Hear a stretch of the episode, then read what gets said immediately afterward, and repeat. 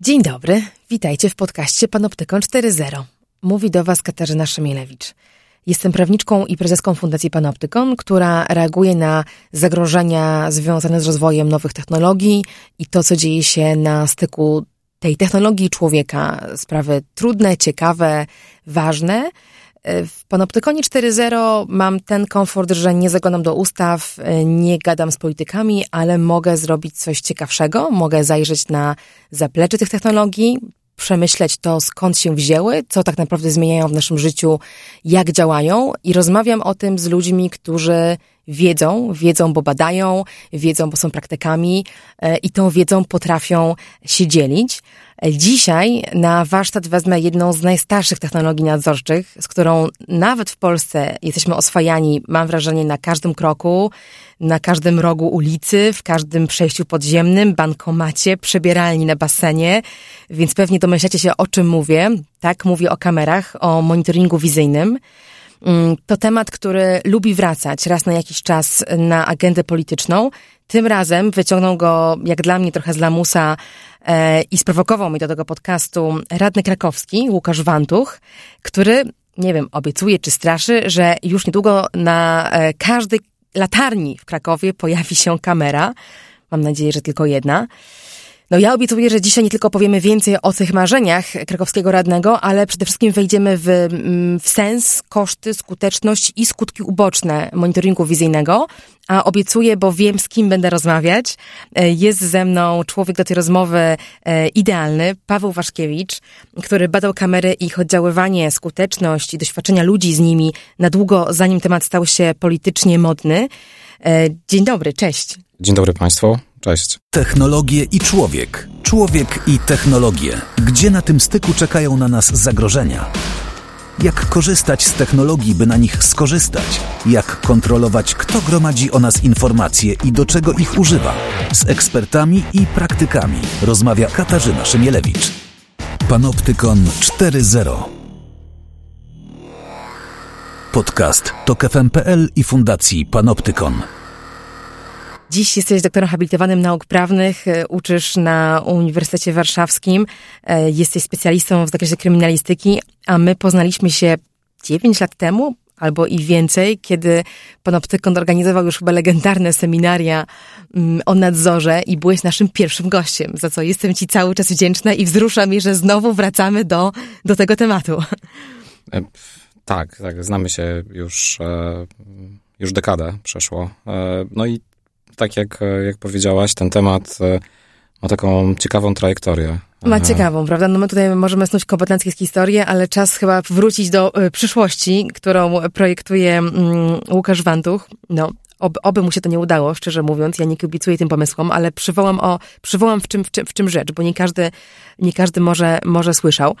W Krakowie ma powstać wyjątkowy system monitoringu. Na początek na każdej latarni w prądniku czerwonym, to jest jedna z dzielnic, zawiśnie kamera, łącznie 3,5 tysiąca urządzeń. Rada Miasta na ten pilot, już sam pilot dała 3 miliony złotych, a więc rzecz ma szansę się zadziać.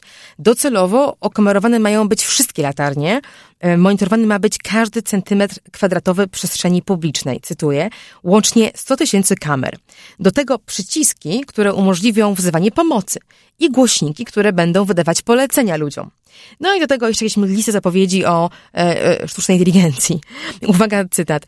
System pomocy 112, bezpieczeństwo bez utraty prywatności, raz i na zawsze rozwiąże problem przestępczości. Nie czuję, że rymuje, a tymczasem radny mówi zupełnie poważnie. Pawle, jak patrzy na taki projekt osoba, która tak jak ty zna temat no więcej niż od dekady i, i bada go?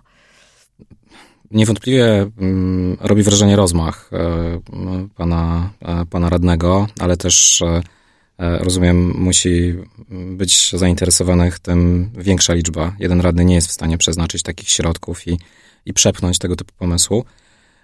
Chociaż nie wiem, czy to nie będzie spoiler do całego naszego dzisiejszego spotkania.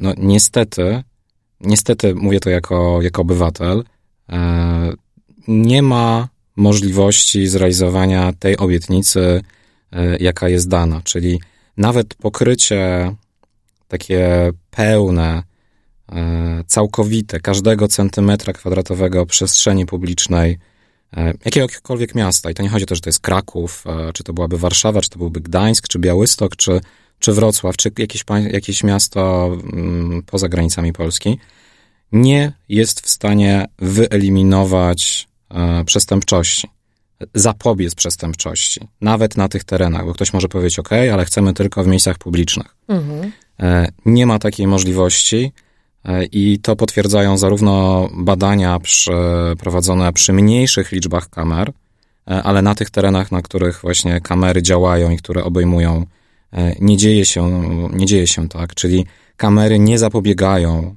popełnianiu przestępstw. Też eksperymenty społeczne prowadzone w takim kraju, który, no nie wiem, czy chcielibyśmy, żeby Polska była drugimi Chinami, e, też pokazują, że to nie eliminuje przestępczości kryminalnej. I tam rozmach jest jeszcze większy poczekaj, niż, poczekaj, niż w Polsce. Zatrzymam cię, bo pojawiło się pierwsze trudne słowo, to może rozdzielmy to i, i, i to powiedz proszę, e, czym to się różni? Jakie ty typy przestępczości w swojej głowie e, rozdzielasz i jak się mają do tego kamery jako narzędzie prewencji? Przepraszam, jeżeli, jeżeli tutaj jakiegoś e, użyłem, użyłem skrótu myślowego. Mówiąc o przestępczości kryminalnej, odróżniam ją od przestępczości gospodarczej e, lub o przestępstw drogowych. Czyli i, i rozumiem, że o to chodzi panu radnemu, że chce wyeliminować, e, te kamery nie mają na celu skłonić ludzi do tego, żeby nie oszukiwali urzędu skarbowego. No on mówi e, tak, mówi przestępczość pospolitą chciałby zredukować w zasadzie do zera i zaginięcia. Więc te dwie rzeczy pojawiają się wprost w obietnicy politycznej, jaka idzie za tym projektem. Mhm. Znaczy no, zaginięcie, samo w sobie zaginięcie nie jest przestępstwem. To, że ktoś... ktoś no, to, że zjawisko, które ludzi niepokoi, okay. jest negatywne no, społecznie. Jeżeli, jeżeli to zaginięcie jest związane z jakimiś oczywiście działaniami... Mm, kryminalnymi, to jasne. E, znaczy to jasne w sensie, no, że to będzie... taka opcja, że zgubiło nam się dziecko w mieście i, i, ewidentnie nas to niepokoi.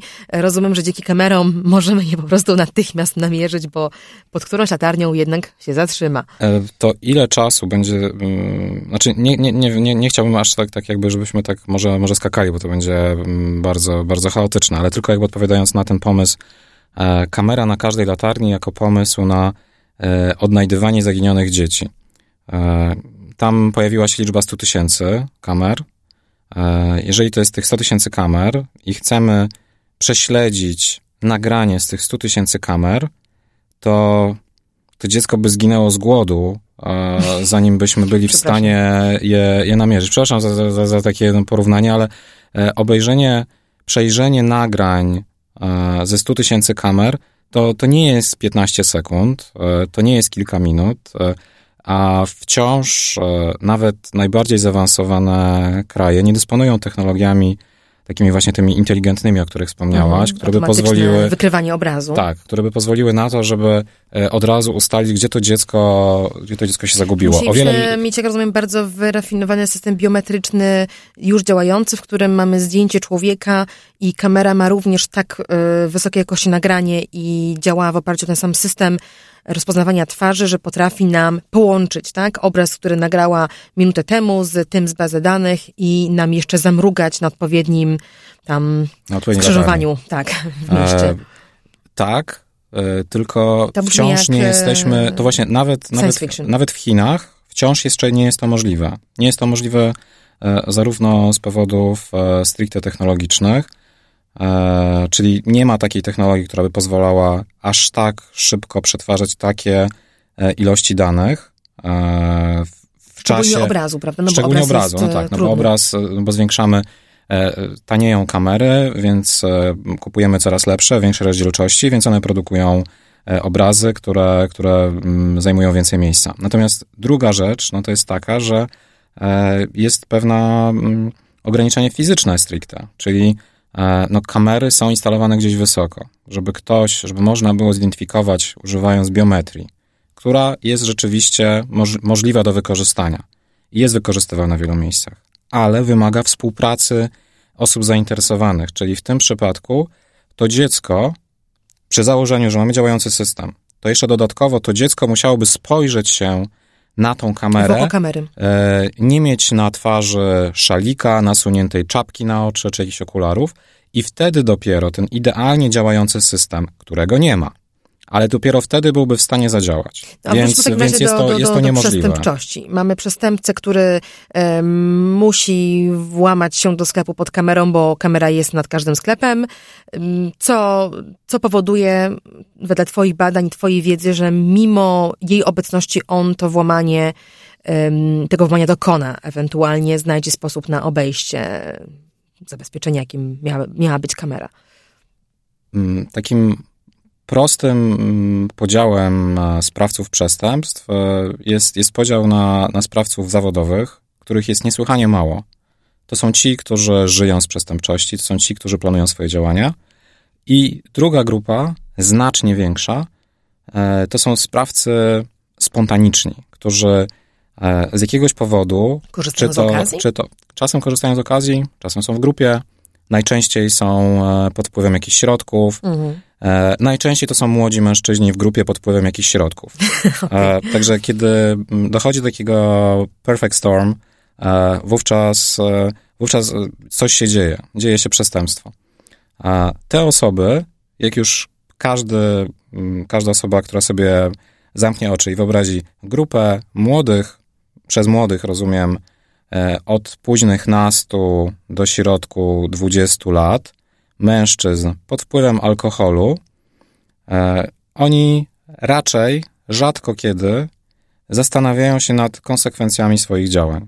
E, rzadko Czekaj, kiedy. za chwilę odbierzemy komentarze od okay. naszych odbiorców, nie, nie mówię, że nie przesadzamy z tym nie uproszczeniem. Nie, mówię, nie mówię, że żaden. Że, że żaden, ale statystyka, statystyka o tym świat, -hmm. najlepiej świadczy, że to jest najczęstsza grupa sprawców właśnie e, tych przestępstw kryminalnych, właśnie niegospodarczych, E, nie tych przestępstw też, e, też drogowych, chociaż tam są nadreprezentowani na pewno, e, ale tych przestępstw kryminalnych, które dzieją się w przestrzeni publicznej, czyli rozbojów, pobić, No tak, bo oczywiście sfera domowa nam tutaj odpada, tam kamer przynajmniej jeszcze radni nie proponują, odpada nam no, wyrafinowana jakaś forma przemocy, jak nie wiem, zabójstwo na zlecenie, bo to są jeszcze inne historie.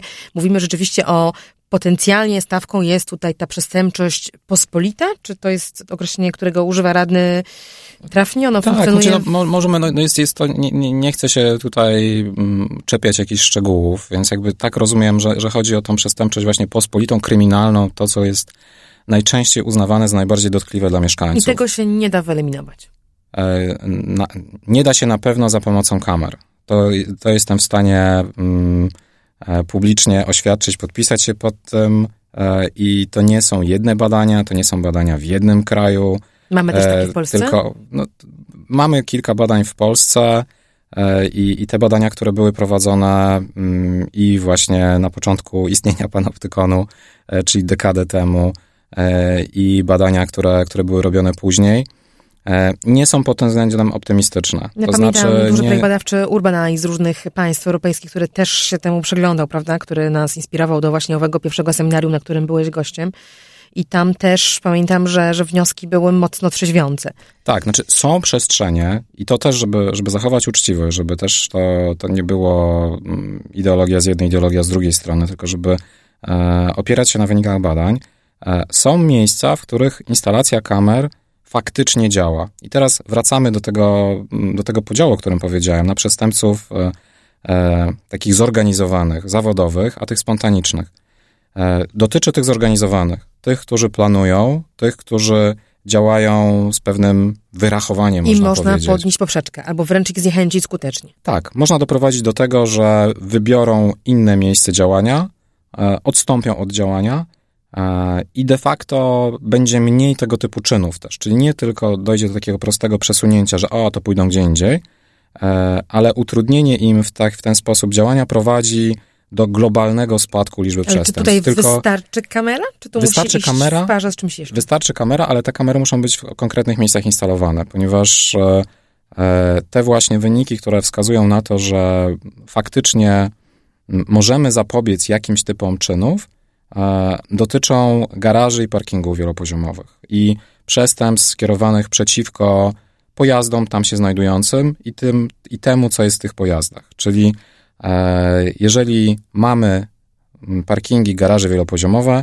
instalacja kamer jest tam działaniem niesłysz, nie, niesłychanie skutecznym i sensownym. A przejścia podziemne i rozboje w takich miejscach? Już mniej. Nie.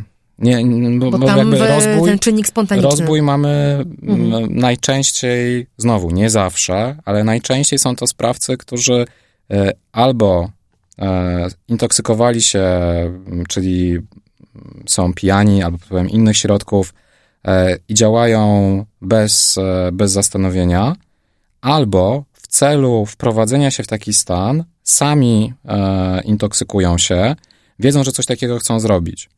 I to nie są sprawcy zorganizowani wówczas. To nie jest on, on tylko tak, tego typu sprawca wie, że żeby przełamać pewną barierę psychiczną Którą użycia mamy przemocy. Jako ludzie wobec tak, siebie. mamy taką, taką, taką barierę. To nie jest dla, dlatego właśnie alkohol e, koreluje z, z, z takimi zachowaniami przestępczymi, bo zmniejsza tą, tą barierę. Poczekaj, czyli y, y, radni krakowscy, krakowscy powinni przenieść y, oś dyskusji z kamer na bary krakowskie, w których ten alkohol się leje i zastanowić się, czy może od tej strony.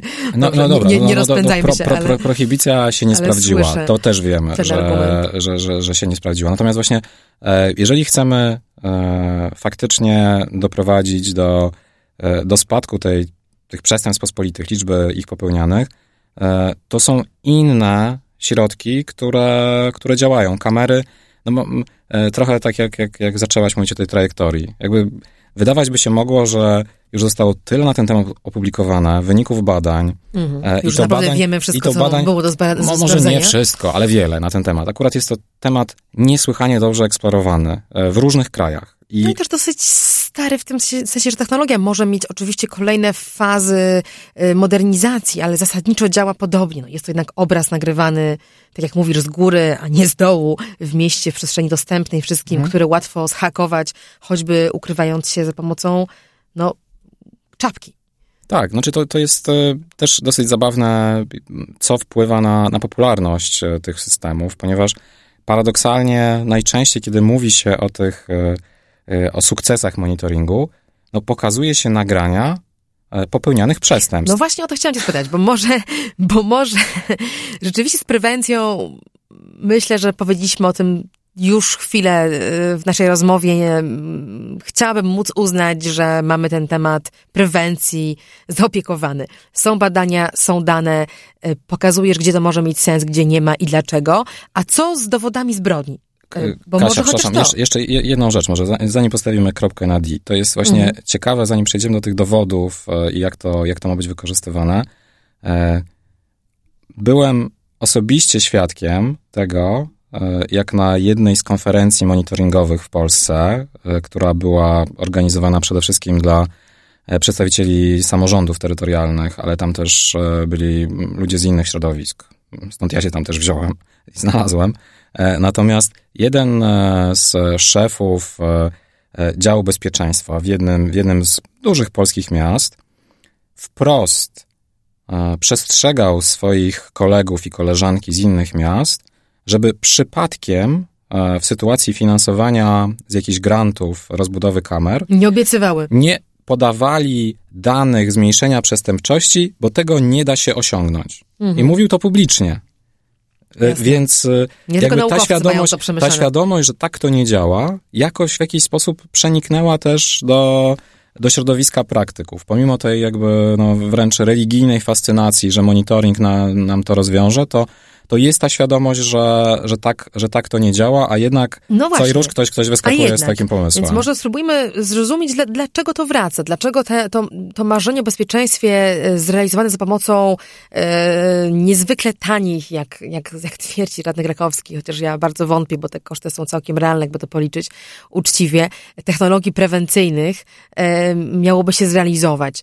E, czy naszą wyobraźnię masową rozbudzają może w tym kierunku te nagrania właśnie, że widzimy nagranie przestępstwa, one wyciekają co róż do internetu, pojawiają się w telewizji, policja publikuje takie rzeczy, więc ludzie widzą, o, kamera złapała, w takim kolokwialnym sensie złapała, uchwyciła, że coś się stało. E, rzeczywiście jest to paradoks, no uchwyciła coś, co się stało, nie zapobiegła temu, ale może przynajmniej ukażemy. No i znowu dochodzimy do pewnego paradoksu, że mm, nie jesteśmy w stanie, ze względu na to, gdzie te kamery są instalowane, czyli wysoko, więc nawet jeżeli są w stanie zarejestrować jakieś zdarzenie, e, to niesłychanie rzadko e, udaje się zidentyfikować te osoby. E, I stwierdzono to najpierw w Wielkiej Brytanii, czyli kraju, który przez wiele lat dzierżył taką palmę pierwszeństwa na świecie, jeżeli chodzi o liczbę kamer. Globalnie liczbę kamer na, na 100 tysięcy mieszkańców. Później został bardzo mocno mm, pobity przez, przez Chiny w tym, w tym wyścigu. E, natomiast właśnie pierwsze wyniki pochodziły z Londynu, czyli takiego epicentrum monitoringu wizyjnego e, i okazało się, że nagrania z kamer są niesłychanie rzadko e, pomocne do identyfikacji sprawców, czyli w tym, w tym aspekcie z dowodowym. Z czego to wynika? No, wynika to z tego, że to są zdarzenia dynamiczne zazwyczaj, więc nikt tam nie stoi długo czasu, nie przygląda się, nie patrzy się, gdzie są kamery, nie zdejmuje czapki, żeby się dobrze zaprezentować. I później też nie zostaje na tym miejscu, tylko zbiega z tego miejsca. I jeszcze pewnie warunki atmosferyczne, dzień, noc mają wpływ? Mogą mieć, no ale to, to, by, to by mogło powodować takie przeświadczenie, ok, to będziemy mieli lepszą technologię, to ona nam to mhm. rozwiąże. No właśnie. Ale niestety tak nie jest. No, no, e, nie jesteśmy, nie jesteśmy, jesteśmy oczywiście w stanie, ale nie wiem, czy chcielibyśmy, e, żeby przestrzeń miejska była całkowitą pustynią, gdzie nic, nic nie ma poza budynkami, a pomiędzy tymi budynkami tylko poruszają się e, ludzie, którzy mają zakaz zakrywania swoich twarzy. I są zdyscyplinowani jesteśmy... w tym, jak się poruszają. Nie tak, zatrzymują się, jesteś... nie grupują się, nie tak. intoksykują się w miejscach publicznych. No mogą się intoksykować wcześniej, gdzieś indziej, wychodzić później w miejsca publiczne. Też jest taka możliwość, zwłaszcza u tych e, młodych, e, młodych grup. E, tak, tak podobno się, się, się, zdarza. Zmierzamy do zakazu domówek, słuchajcie, nie idźmy tą drogą. Natomiast zawsze coś może znaleźć się pomiędzy kamerą a tym zdarzeniem. E, I znowu właśnie te nagrania, nawet jak są dobrej jakości, to bardzo często e, nie pozwalają nawet na porównanie z, z, z podejrzanym, zidentyfikowanym podejrzanym w tej sprawie. Konkretną osobą. Konkretną. Nie A jeżeli jeszcze o nieograniczonej mamy... liczbie potencjalnych. Właśnie. Jakby stąd są e, w mediach społecznościowych co jakiś czas. To, to, jest, to jest też ciekawe dosyć zjawisko kiedy ludzie sami wrzucają nagrania. Szukam tego, kto ukradł mój rower. Właśnie.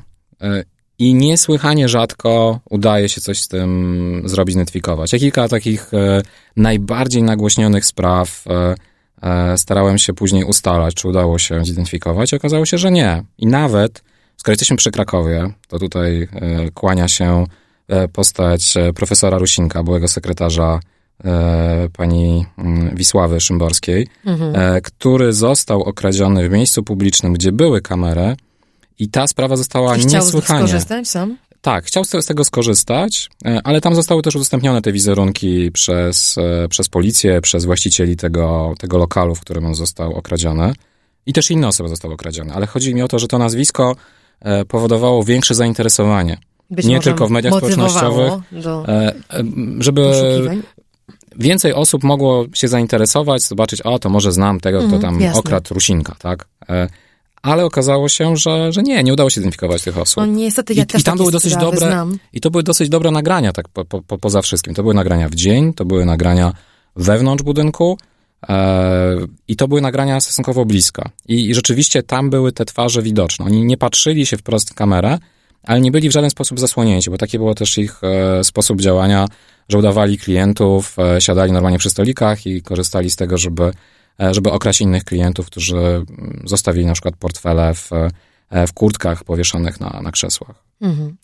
No rzeczywiście to są sprawy, które mnie też przyprawiają o, o, o, o duży taki no, dyskomfort psychiczny, kiedy, kiedy czytam i w komentarzach, które my dostajemy jako e, Fundacja Panoptykon pisząc o tym temacie od lat, e, czy które ja słyszę od znajomych prawników, adwokatów, e, ogromną frustrację, kiedy są nagrania i nic z tego nie wynika, szczególnie dla człowieka, który został pobity czy, e, czy poszkodowany. Więc to, to jest coś, co ja potwierdzam z, z obserwacji własnej, ale nie znałam badań i tego, jak to wygląda w skali e, kraju, czy w skali no, w ogóle poszukiwania przestępców. Mhm. Oczywiście, jeżeli są te kamery, to zawsze E, powinna być próba, jakby z punktu widzenia pracy organów ścigania, próba wykorzystania tego e, i zarówno odtworzenia przebiegu zdarzenia, e, jak i identyfikacji osób, które brały w tym udział. Więc jak, jak są te, będzie tych 100 tysięcy kamer nowych, to na pewno mm, będzie jakiś, więcej poszlaki danych, jakiś. Tak, jakiś danych na mhm. pewno będzie więcej, tylko mm, one będą oznaczały setki tysięcy godzin dodatkowej pracy, e, z małą Ludzi, szansą. Już policji Tak, tak osób, które osób, nawet mogłyby nie być zajęte w tym czasie choćby pilotowaniem mm, tego, co dzieje się na ulicach, albo co dzieje się Na w przykład, krakowskich czy nie knajpach. wiem, czy tam cywilów, czy kogoś innego, ale to będą, mm, to będzie niesły, dużo droższe niż sam sprzęt wykorzystany. E, Teraz ta inwestycja właśnie wyceniana jest tam nawet, nie wiem, na 2 czy 3 miliony. Mm, To jednej strony- pilotażowa. y, Docelowa to byłoby pewnie 50 milionów z samego sprzętu, a jak policzyć koszty przetwarzania obrazu, analizy obrazu, ludzi pracujących przy tym, to wydaje mi się niepoliczalne. To, to, to, to z tego, co czytałem z doniesień medialnych, e, koncepcja pana radnego polega na tym, że e, nie będzie potrzebna obsługa tych Bo tych będzie kamer. AI. Może już nie wnikajmy w takim razie w mityczne użycie e, sztucznej inteligencji w tym projekcie, bo mało o tym wiemy. Ja tylko przywołam e, inny dla mnie taki pouczający przykład. E, Na pewno pamiętacie historię zamachów bombowych w Londynie, terrorystycznych zamachów sprzed, sprzed kilku lat, to był chyba 2005 rok. No to już jest kilkunastu. E, to już jest kilkanaście, o nie. Teraz się poczułam stara, mm, bo byłam tam wtedy. mm, Na szczęście się nie załapałam w tę okolicę, ale pamiętam, jaka była panika, żeby znaleźć tych ludzi. I rzeczywiście Londyn jako miasto mocno wówczas okamerowane postawił na analizę obrazu z kamer e, metra i e, autobusów i chyba po paru tygodniach pracy kilkuset osób udało się znaleźć nagranie, na którym ci ludzie autentycznie byli uchwyceni, jak jadą na miejsce przestępstwa.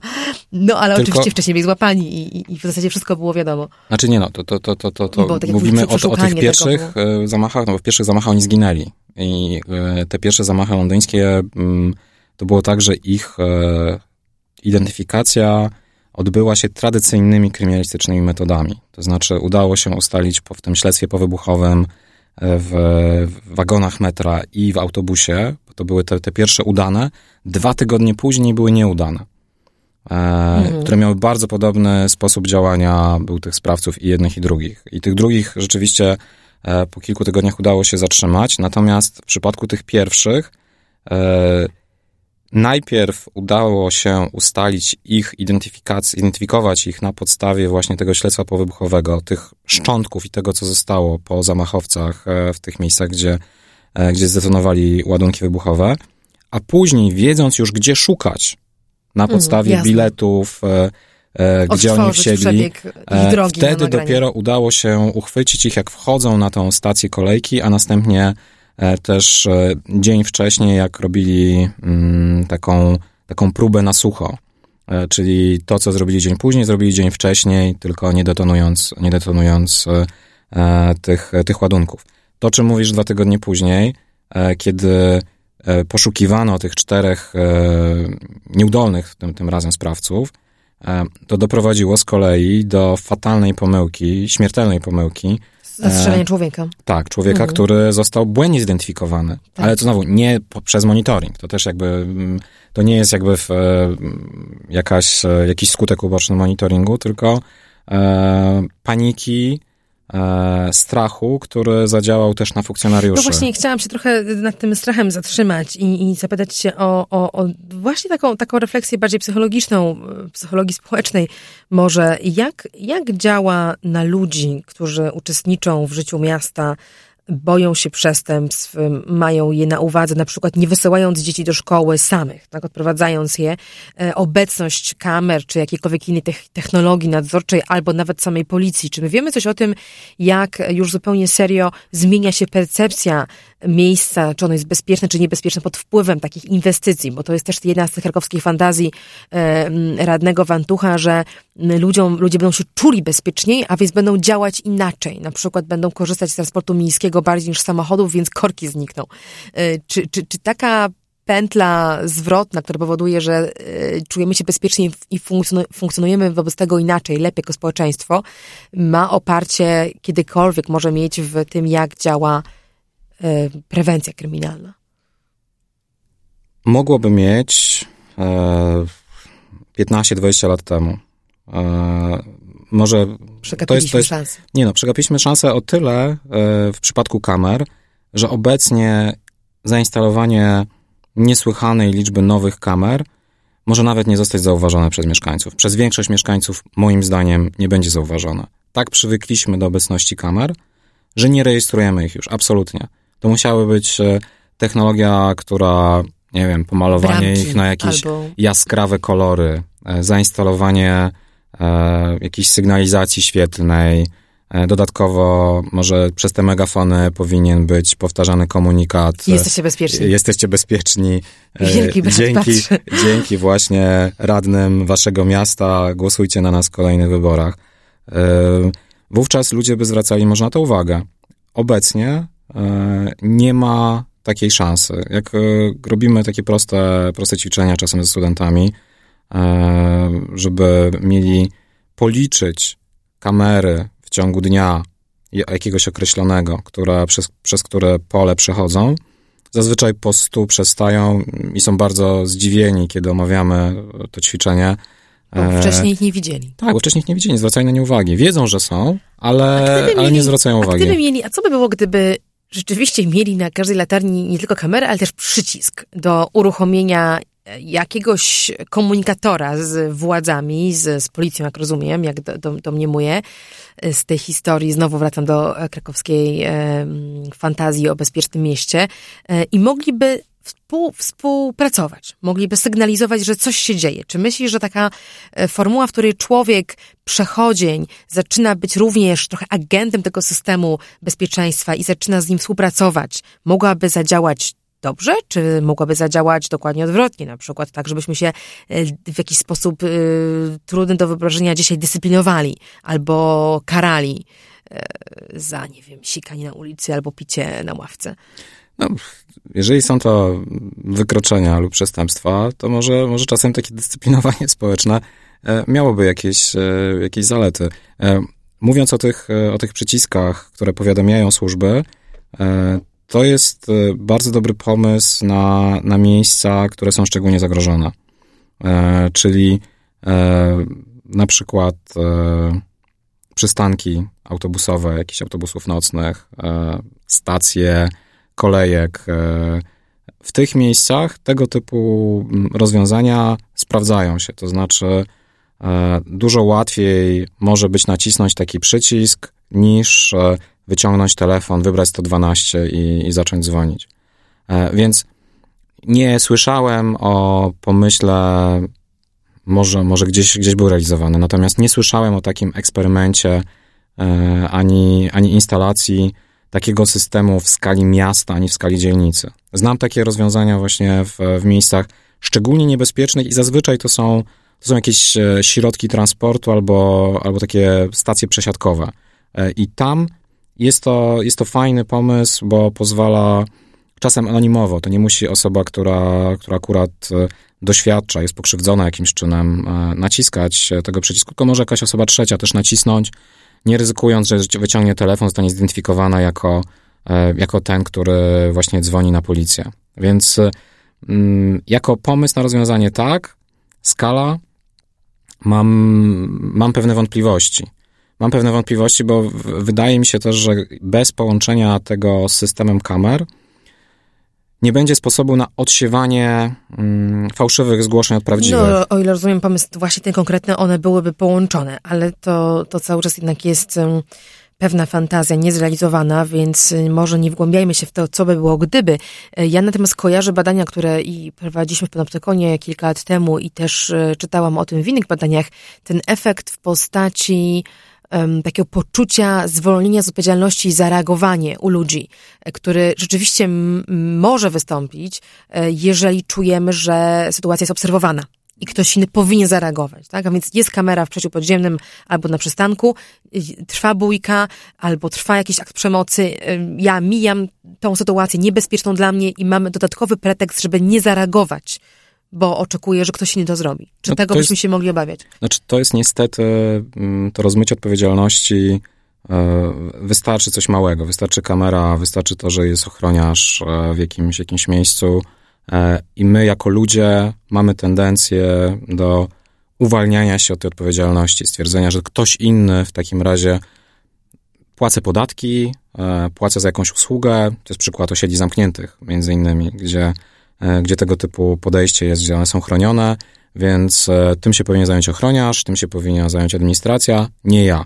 E, Umywam tego ręce. Widać to jest na wielu badaniach, gdzie większa liczba osób, które obserwują jakieś zdarzenie, odwrotnie proporcjonalnie wpływa na podejmowanie jakichś działań, czyli dużo lepiej, mówiąc kolokwialnie i w takim uproszczeniu, jest stać się doznać jakiegoś urazu przy małej liczbie mhm. obserwatorów, tak, wtedy mamy większą szansę, że ktoś... i tak, o pomoc. Większa szansa jest, że ktoś nam pomoże. Natomiast kiedy, kiedy to się dzieje w miejscu publicznym, gdzie jest więcej ludzi, to mm, każdy przyjmuje obecność innych jako potwierdzenie tego, że a, nie jest potrzebna ta pomoc, b, gdyby była potrzebna, to, ja to, ktoś, to inny, ktoś by inny by już to zrobił, e, c, jak jest tak dużo ludzi, to na pewno ktoś ma przygotowanie lepsze, no ja się tak bardzo śpieszę, mm, praca, rodzina, e, inne obowiązki. Słuchajcie, to I... jest apel do nas wszystkich.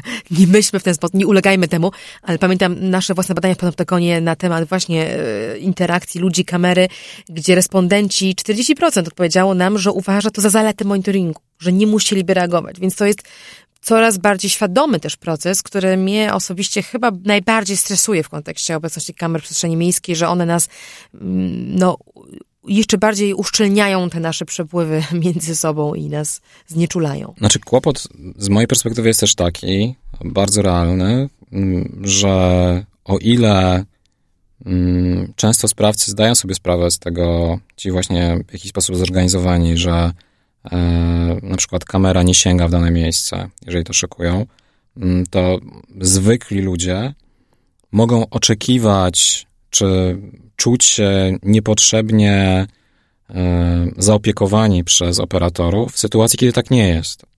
To jest przykład między innymi e, tych atrap kamer, kiedy w wielu miejscach, nie tak dawno rozmawiałem z zaprzyjaźnioną osobą, która po włamaniu e, wymyśliła, że zainstaluje sobie atrapy kamer.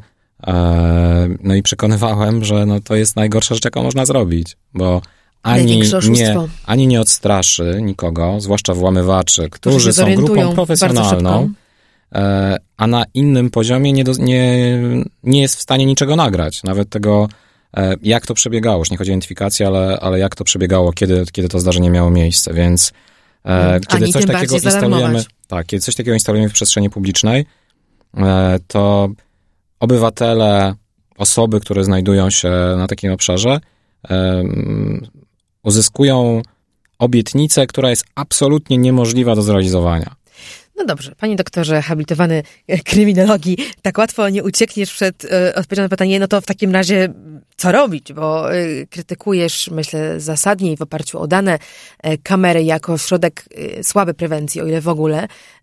Gdybyś to ty dostał budżet, którego żąda Łukasz Wantów w Krakowie, z pytaniem od prezydenta dużego miasta, nie wiem, Zdanowskiej, Trzaskowskiego, Michalowskiego, co robić? To co byś doradził? Jak poprawić poczucie bezpieczeństwa czy bezpieczeństwo w mieście? Pani prezes, zacząłbym od tego, e, żeby postarać się zidentyfikować e, faktyczny problem. I to jest, e, to jest klucz do wszystkiego, ponieważ czy problemem po pierwsze jest faktyczne niskie bezpieczeństwo, czyli faktyczne zagrożenie ze strony osób, które, które napadają, e, dokonują rozbojów, e, włamują, biją. Czy, czyli, czy jest to jakieś co wykroczenie, co mhm. się dzieje? Czy też problemem jest niskie poczucie bezpieczeństwa, bo to są. Percepcja. Tak, odbiór e, mieszkańców, ludzi, którzy przebywają w danym terenie. To jest jakby klucz do tego, żeby pójść dalej, bo e, błąd, który, który jest najczęściej popełniany, nie tylko w Polsce, chociaż to nie wiem, czy to, czy to jakoś będzie działać uspokajająco, jest taki, że osoby, które podejmują w tym zakresie decyzje, niesłychanie rzadko, niesłychanie rzadko, powtórzę, e, opierają się na twardych danych. E, czyli nie tylko mówią, co powinniśmy zamontować, co powinniśmy zrobić, żeby, żeby było bezpiecznie, ale na starcie nie identyfikują problemu. Mimo, że te dane, jak rozumiem, policja posiada. Posiada policja, posiadają inne służby, można przeprowadzić dodatkowe badania wiktymizacyjne, żeby, żeby dokładniej to określić, bo jak wiemy, statystyki policyjne nie są idealne. Mm, nie każdy zgłasza to, co mu się przydarzy. Na przykład. Nie, nie, nie każde zgłoszenie jest rejestrowane tam, gdzie zarejestrowane być powinno. Jest wiele problemów, ale to jest na pewno jakieś źródło.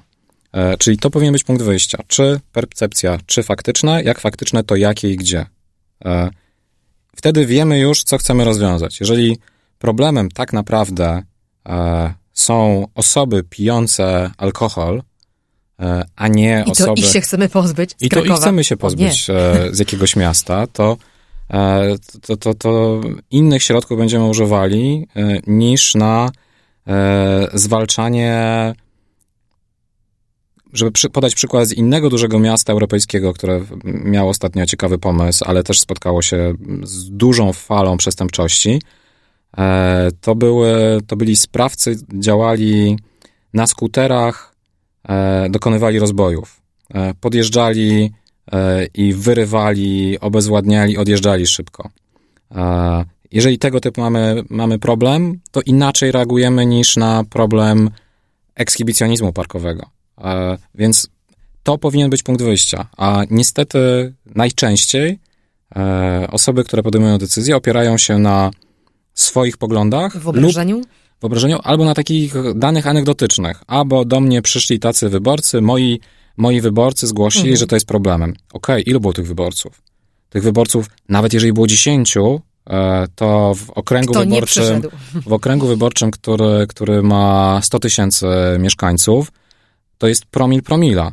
E, więc e, dlatego tak ważne jest zidentyfikowanie wcześniejsze, żeby no, nie porywać się na, na muchy z, z, z czołgiem, e, żeby adekwatne środki zastosować. A mamy w Polsce problem z bezpieczeństwem? Już tak zupełnie na marginesie tematu monitoringu? Faktyczny? Mhm. E, coraz mniejszy.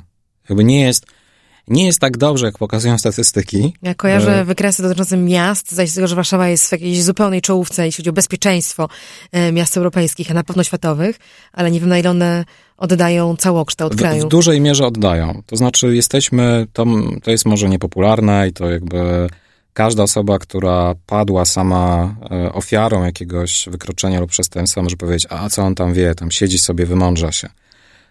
Bo to jest ciężkie doświadczenie, wiktymizacja. E, natomiast e, jesteśmy w ogonie e, państw, państw rozwiniętych, jeżeli chodzi o przestępczość. Czyli nie tylko to, co jest w statystykach, ale też w badaniach anonimowych, wiktymizacyjnych, które co ileś lat są realizowane, okazuje się, że jest popełnianych u nas dużo mniej wszystkich praktycznie przestępstw. To są badania z ofiarami przestępstw. To są badania na populacji ogólnej, które mają e, za zadanie sprawdzić, jaki odsetek populacji padł ofiarą przestępstwa i jakie to było przestępstwo. E, dzięki czemu jesteśmy w stanie zweryfikować w jakimś zakresie, jaka jest ta tak zwana ciemna liczba przestępstw, czyli tych, które są niezgłaszane. Te badania są anonimowe, te badania są na dużych próbach, e, no i one pokazują, że pomimo tego, że statystyki właśnie nie oddają rzeczywistości, to jesteśmy niesłychanie bezpieczni pod dwoma względami i w stosunku do innych państw, i do w stosunku do tego, co, co działo się w Polsce jeszcze kilkanaście lat temu. Lata 90., przełom 90. i 2000 e, no jest przez osoby mm, z, z branży organów ścigania nazywane dzikim zachodem, bo rzeczywiście wówczas rozboje, e, pobicia, bójki, e, tego było tyle, że mm, nikt nie był w stanie tego mm, nawet podejmować wykrywania i, i wyjaśniania. Natomiast obecnie, nawet jeżeli są miejsca, gdzie jest to, jest to problem, to jest to dużo mniejszy problem. To wychodzi też, e, e, fajnie to wyszło w takich badaniach e, po 10 latach, które, które prowadziłem wśród studentów na Uniwersytecie Warszawskim, gdzie pierwsze, pierwsze były robione właśnie na początku 2003-2004 rok, a, a drugie 10 lat później.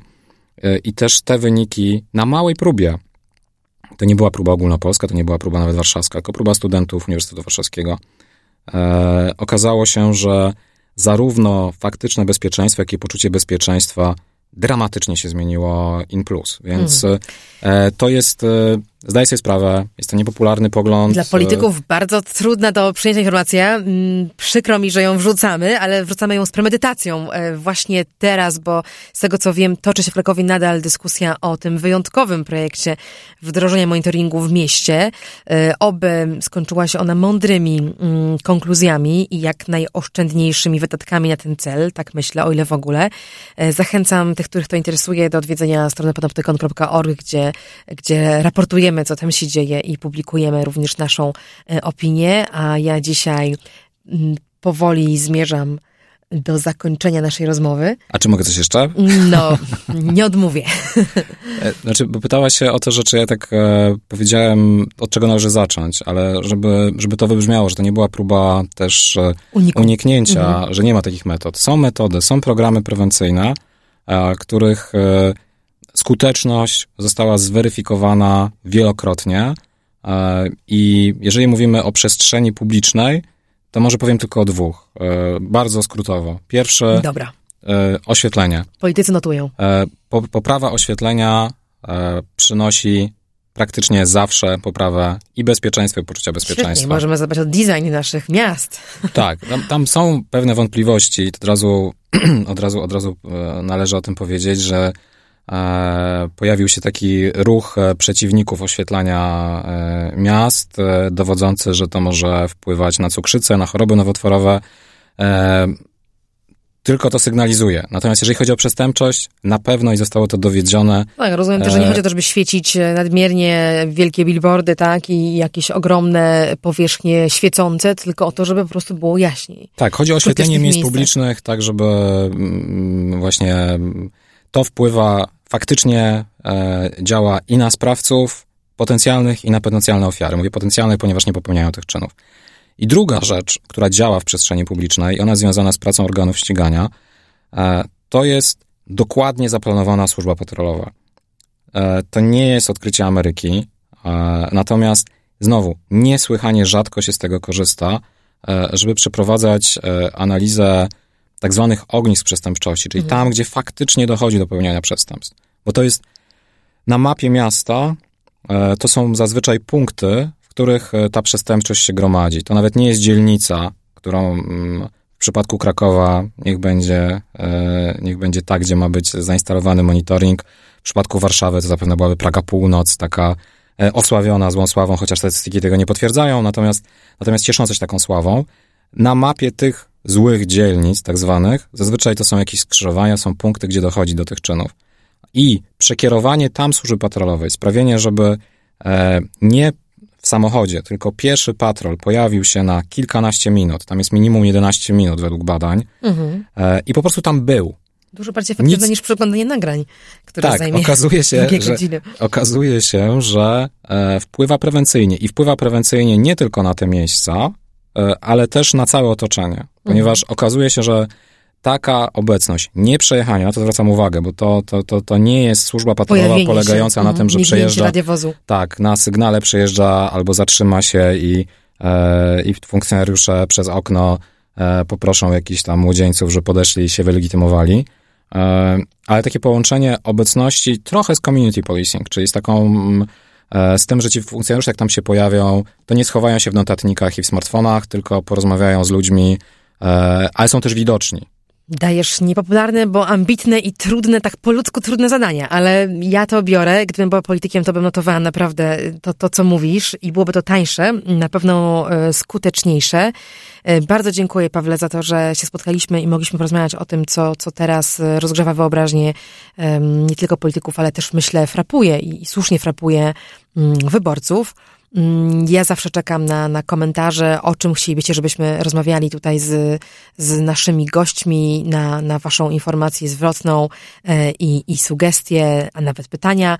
E, Dzisiaj bardzo dziękuję, mówiła Katarzyna Szymilewicz, a moim gościem był Paweł Waszkiewicz. Dziękuję bardzo. Technologie i człowiek. Człowiek i technologie. Gdzie na tym styku czekają na nas zagrożenia? Jak korzystać z technologii, by na nich skorzystać? Jak kontrolować, kto gromadzi o nas informacje i do czego ich używa? Z ekspertami i praktykami rozmawia Katarzyna Szymielewicz. Panoptykon 4.0 Podcast to KFM.pl i Fundacji Panoptykon.